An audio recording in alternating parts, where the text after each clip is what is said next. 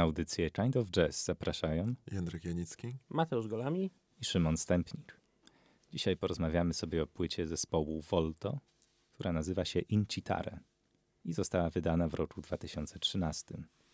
Skład Danny Carey, Ja przepraszam, ja muszę, bo jak połączyć nazwę zespołu i połączyć nazwę płyty, to wychodzi nam Volare. To, przepraszam, jak ten utwór. Wspaniały, Moduny, wspaniały żart. To Mateusz go wymyślił, ja się odważyłem powiedzieć, więc Tak, a jeszcze powiem, że, że jeszcze zapomniałeś, Szymon, powiedzieć, podziękować Karolinie tak, za, za jak zwykle dziękuję Mastering. Karolinie mm, Nidi Rawdanik za to, że z nami jest, że potrafi nas tolerować. że i tak cały dzielnie czas, nas wspiera. cały czas nam montuje te audycje. Mhm.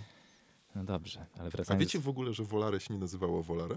A jak się nazywało? Nel du di Pinto de Blue, coś takiego. Nie pamiętam. Natomiast Volare to jest taka nazwa zwyczajowa, która zaczęła funkcjonować i tak się przyjęła, ale pierwotnie tytuł był inny tej piosenki.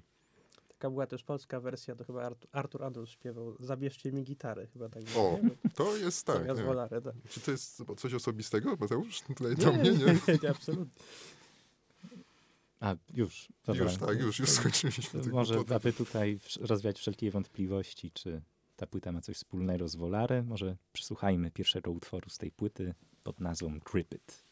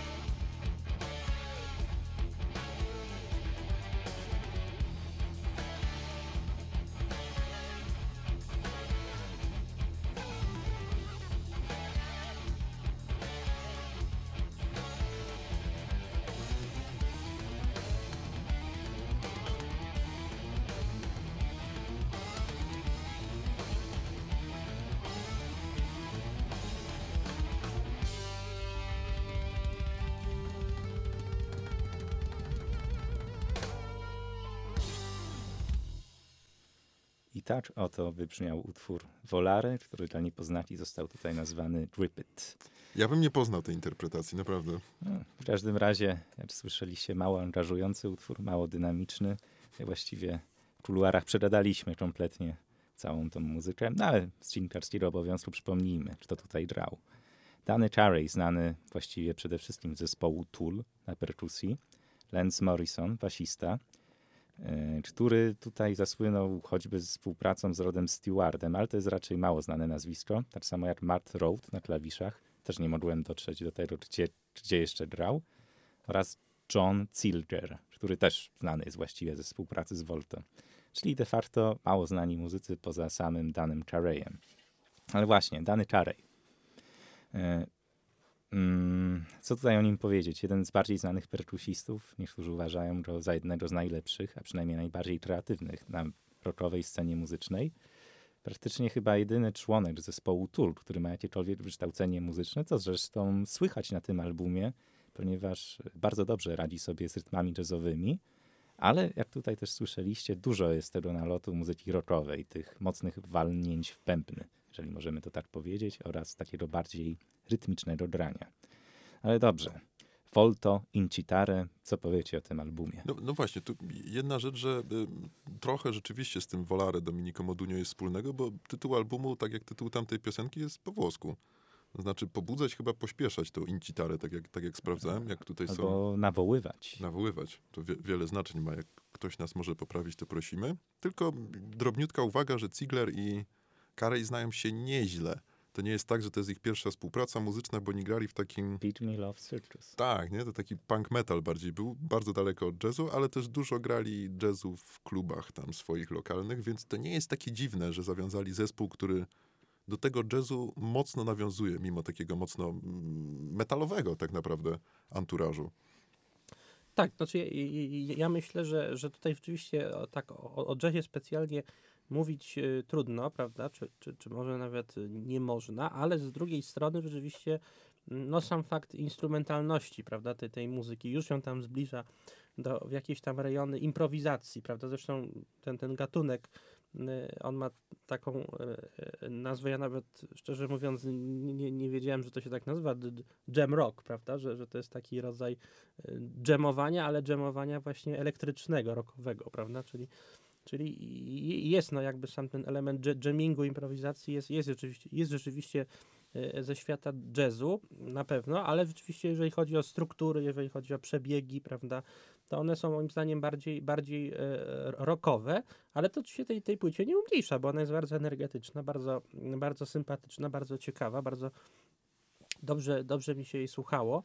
Ale rzeczywiście jakby e, e, nie, nie, jestem w stanie jakby jej zaakceptować jako płyty jazzowej. Progresywno-rockową, tak, avant-rockową, jam-rockową jak najbardziej, ale, ale nie, nie, nie, jazz, nie jazz rockową, prawda, czy, czy nie łączącą jakoś tam jazz z rockiem. E, ale, ale były oczywiście takie, takie e, zespoły, które to, to robiły bardziej, właśnie stąd pewnie mam takie e, jakby przy, przy tym porównaniu, prawda, wydaje mi się, że, że właśnie Candiria, prawda, czy FL Duaw, czy, czy, czy nawet te projekty takie, takie punk jazzowe Johna Zorna, prawda, że one... No, czy też ze sceny skandynawskiej, Bushman's Revenge, czy Hedwig Molestad, trio też takie tak, bardziej. Tak, mhm. tak, tak, o Hedwig Molestad też kiedyś rozmawialiśmy. Ale zaginęło to nagranie zaginęło, niestety. Tak. Mhm.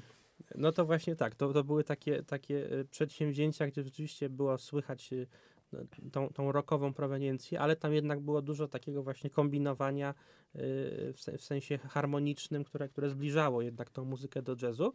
A tutaj no, jest rzeczywiście improwizacja rockowa, ale, ale tych elementów, które by gdzieś tam sytuowały w okolicach jazzu tą muzykę, ja, ja szczerze mówiąc nie widzę to zaskoczyłeś mnie trochę, bo ja tu słyszę ten jazz. I słyszę ten jazz w elemencie, który jest moim zdaniem na tej płycie najsłabszy. Czyli w partiach solowych gitarzysty.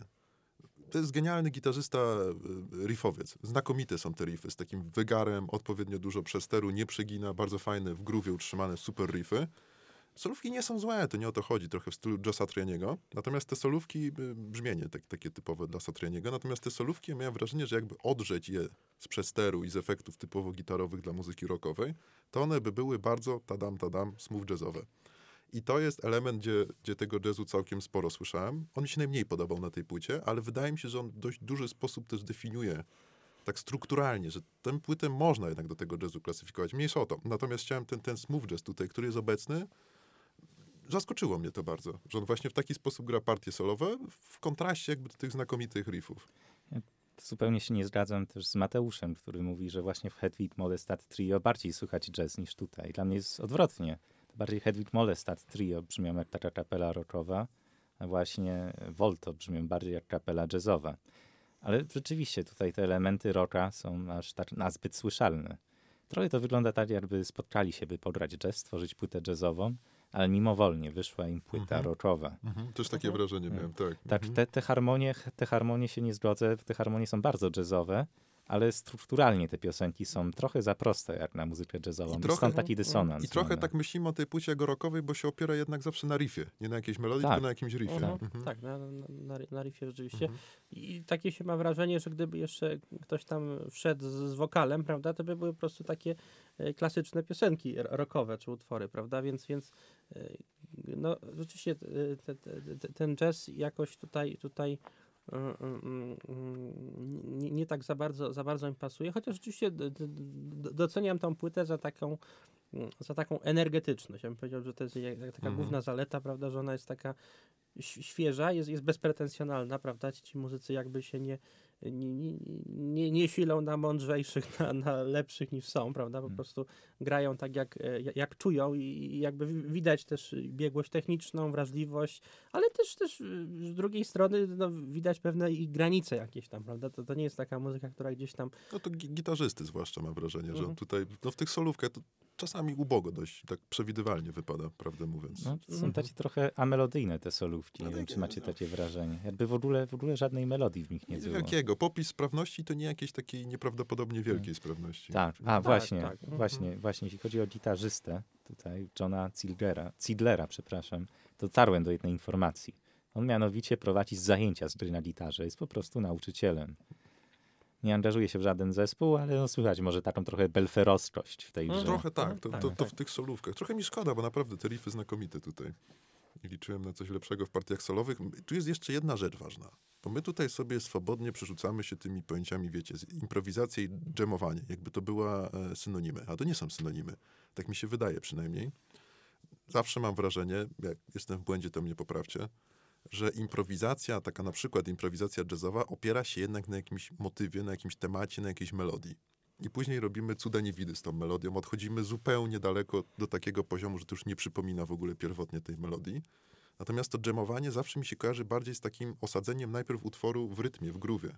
Że najpierw wybija perkusista, dołącza bas, a ta melodia jest wtórna. To jest takie bardziej rockowa maniera tego dżemowania. A ta płyta jest gdzieś pomiędzy, bo ona chwyta i to, i to, moim zdaniem.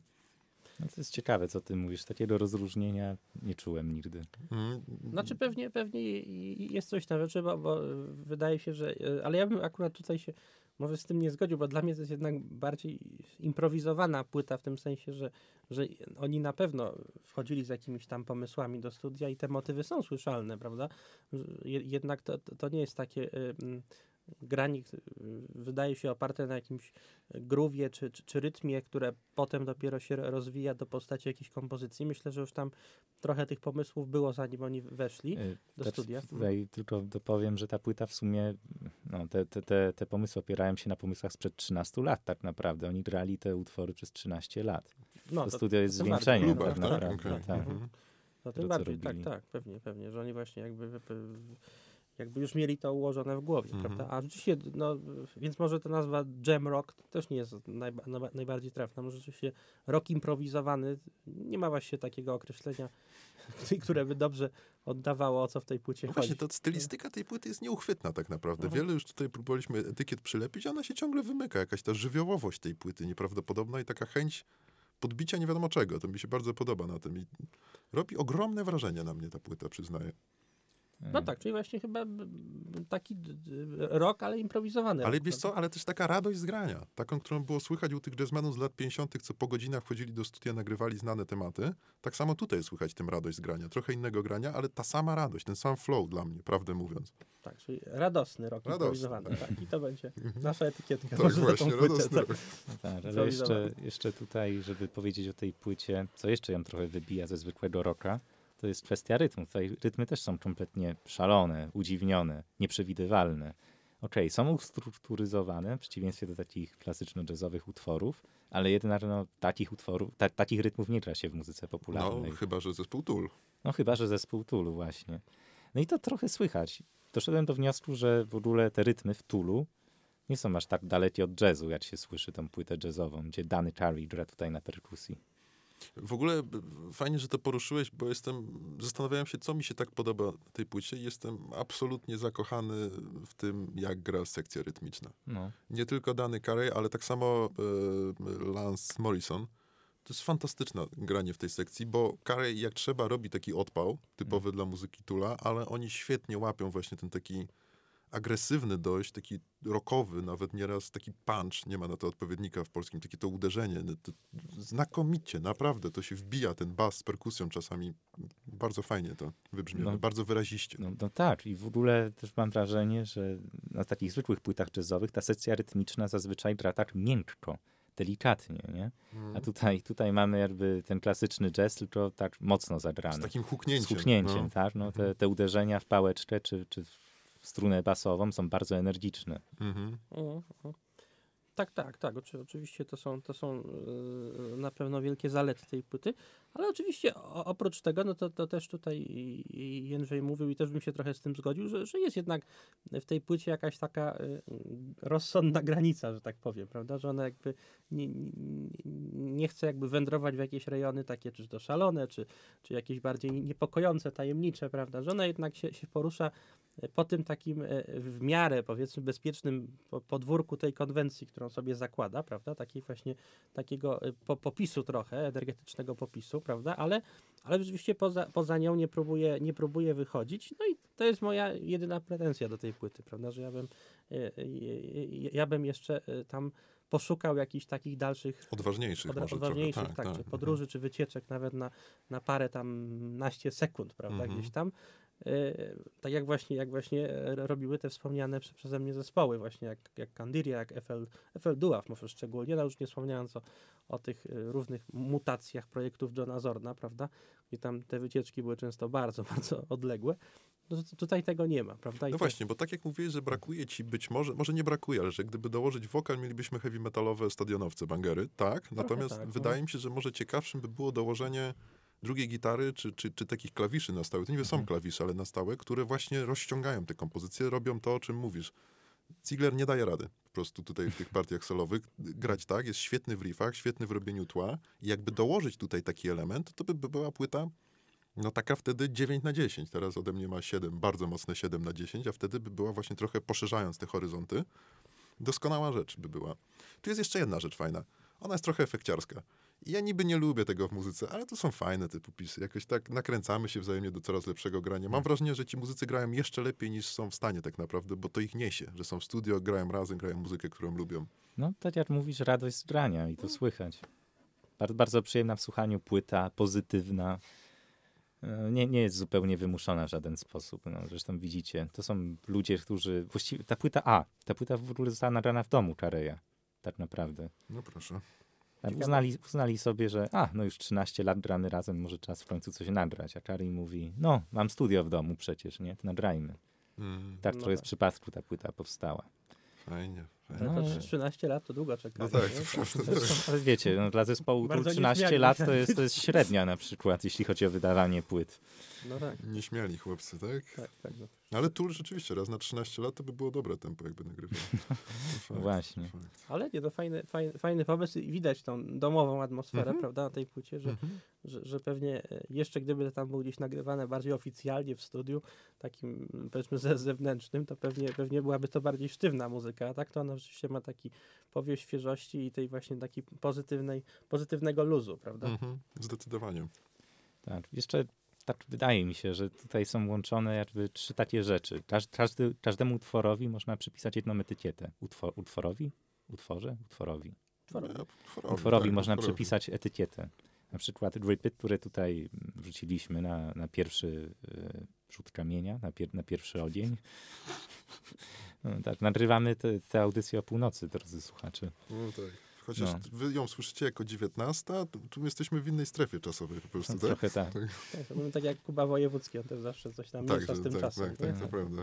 Mhm. No tak, ale Dripit, szaleństwo. E, Wapner, który za niedługo będziemy słyszeli. E, Wapner to progresja. I Tocino, które tutaj... Właśnie, Tocino. A Co Mhm. jest w Tocino, Jędrzeju? Fantastyczne. W Tocino jest taka e, e, radość tej takiej improwizowania, takiego bardziej jazzowego na klawiszach. To jest taki utwór, który, który niesie nieprawdopodobnie i po tej solówce klawiszowej powrót do tej elektrycznej gitary, dla mnie najmocniejszy, jak rozładowanie takiego wystrzału, najmocniejszy moment tej płyty po prostu. No tak, energia, nie? Po Mhm. prostu. Zresztą Tocino to jest jedyny w sobie singiel z tej płyty, tak naprawdę. Warto to zagrali w radio? Czy będziemy pierwsi, którzy Nie wiem, w łódzkim radio być może. No ale, ale właśnie, wiecie, no progresja, szaleństwo i to rozładowywanie emocji. Mhm. To są, to są te trzy etykiety, któremu można każdemu z tych utworów przypisać. Mhm. Także warto. Tak się zastanawiałem, czy Radio Żak kiedyś grało Volto. No, jeżeli nie, to będzie już drugi raz tak naprawdę, bo A potem słyszeliśmy. trzeci. A potem trzeci. Jak to śpiewał Dawid Podsiadło i nie raz, i nie dwa. Miejmy nadzieję, że nie ostatni. To prawda. A, to jeszcze jak tutaj y, Jędrzej lubi mówić o okładkach, to ja coś powiem o tej okładce. Tam widzimy postacie z kreskówek, trochę kogoś w rodzaju myszki Mickey oczywiście. To nie jest myszka Mickey, bo, bo wiadomo, prawa autorskie, ale to trochę być może nawiązuje do tej włoskiej stylistyki płyty, tej, tej, tej włoskiej nazwy. Tocino, a myszka Mickey też, też, te, też się kojarzy trochę z Włochami, nie wiem czemu. Mieszka Miki z Włochami? Ciekawe. Wiem, wiem, wiem, że Stany Zjednoczone, ale no coś było takie. Dobra, nieważne. No wiesz, no. Znaczy, bo Myszka, w ogóle- Zaskoczyłeś. A, a wiecie w ogóle, nie wiem, czy zwróciliście uwagę, że myszka Miki, ona się no, rusza, nie? Prawo, Mhm. lewo, tak dalej. Ale ona nie zmienia położenia uszu. To jest nieprawdopodobne. Ona ma zawsze centralnie te uszy. Tak, właśnie, tak, tak jak Karolina pokazała. Centralnie w nas te uszy. To jest fenomen. No ciekawe, ciekawe. A. Nie zwróciłem na to uwagi. A, zwróć, wiecie, a wiecie, dla, dlaczego? Bo myszka Miki po włosku to Topolino. Prawie jak Tocino. Przepraszam. Tak, no, generalnie w ogóle ta płyta budzi szereg skojarzeń, jak widać. prawda? Nawet utwór Wapner mi się na początku z Whooperem, z O, A, to, mi- to mi też. No, tak właśnie chciałem powiedzieć, że Whooper, a to jest Wapner. Tak, tak. Więc, więc może zakończmy temat Tak, skojarzeń. tak. To, Dobrze, to tak. tylko, tylko powiem, że przy okładce brał udział przy jej projektowaniu gitarzysta Tula Adam Jones. No nie tylko Tula, bo też jeszcze gdzie on tam, gdzie go zaciągnął jeszcze. Właśnie to nie On tam grał też z Mastodonem No, gościnnie, tak, ale tak. raczej nie ma Mhm. takich solowych projektów, jak na przykład Justin czy Danny. A powiedz mi, na Perfect Circle nie, nie gra? Nie. Nie gra, to jest Nie. inny gitarzysta. W ogóle oni się nie lubią ponoć. Kto się nie lubi? No ten gitarzysta Perfect Circle i Adam Jones. Ten z Perfect Circle jest dużo lepszy. No, być może. No dobrze, coś jeszcze do dodania z tą płytą? No jeszcze mamy pewne skojarzenia, ale zachowamy je dla siebie chyba. Tak, to Mhm. może po, po wyłączeniu. Tak, tak, tak. Mhm. No dobrze, kochani, my idziemy do łóżka, a wy sobie... Znaczy, idziemy spać Be, bez Tak. skojarzeń, a wam, drodzy słuchacze, chcemy zaproponować dwa utwory. Tocino, które jest uwielbiane przez Jędrzeja i Wapner, który jest uwielbiany przeze mnie. A dzisiejszą audycję realizowała Karolina Nidi-Rawdanicz, a żegnają się z Państwem Jędrek Janicki, Mateusz Golami. i Szymon Stępnik. Do usłyszenia. dzięki.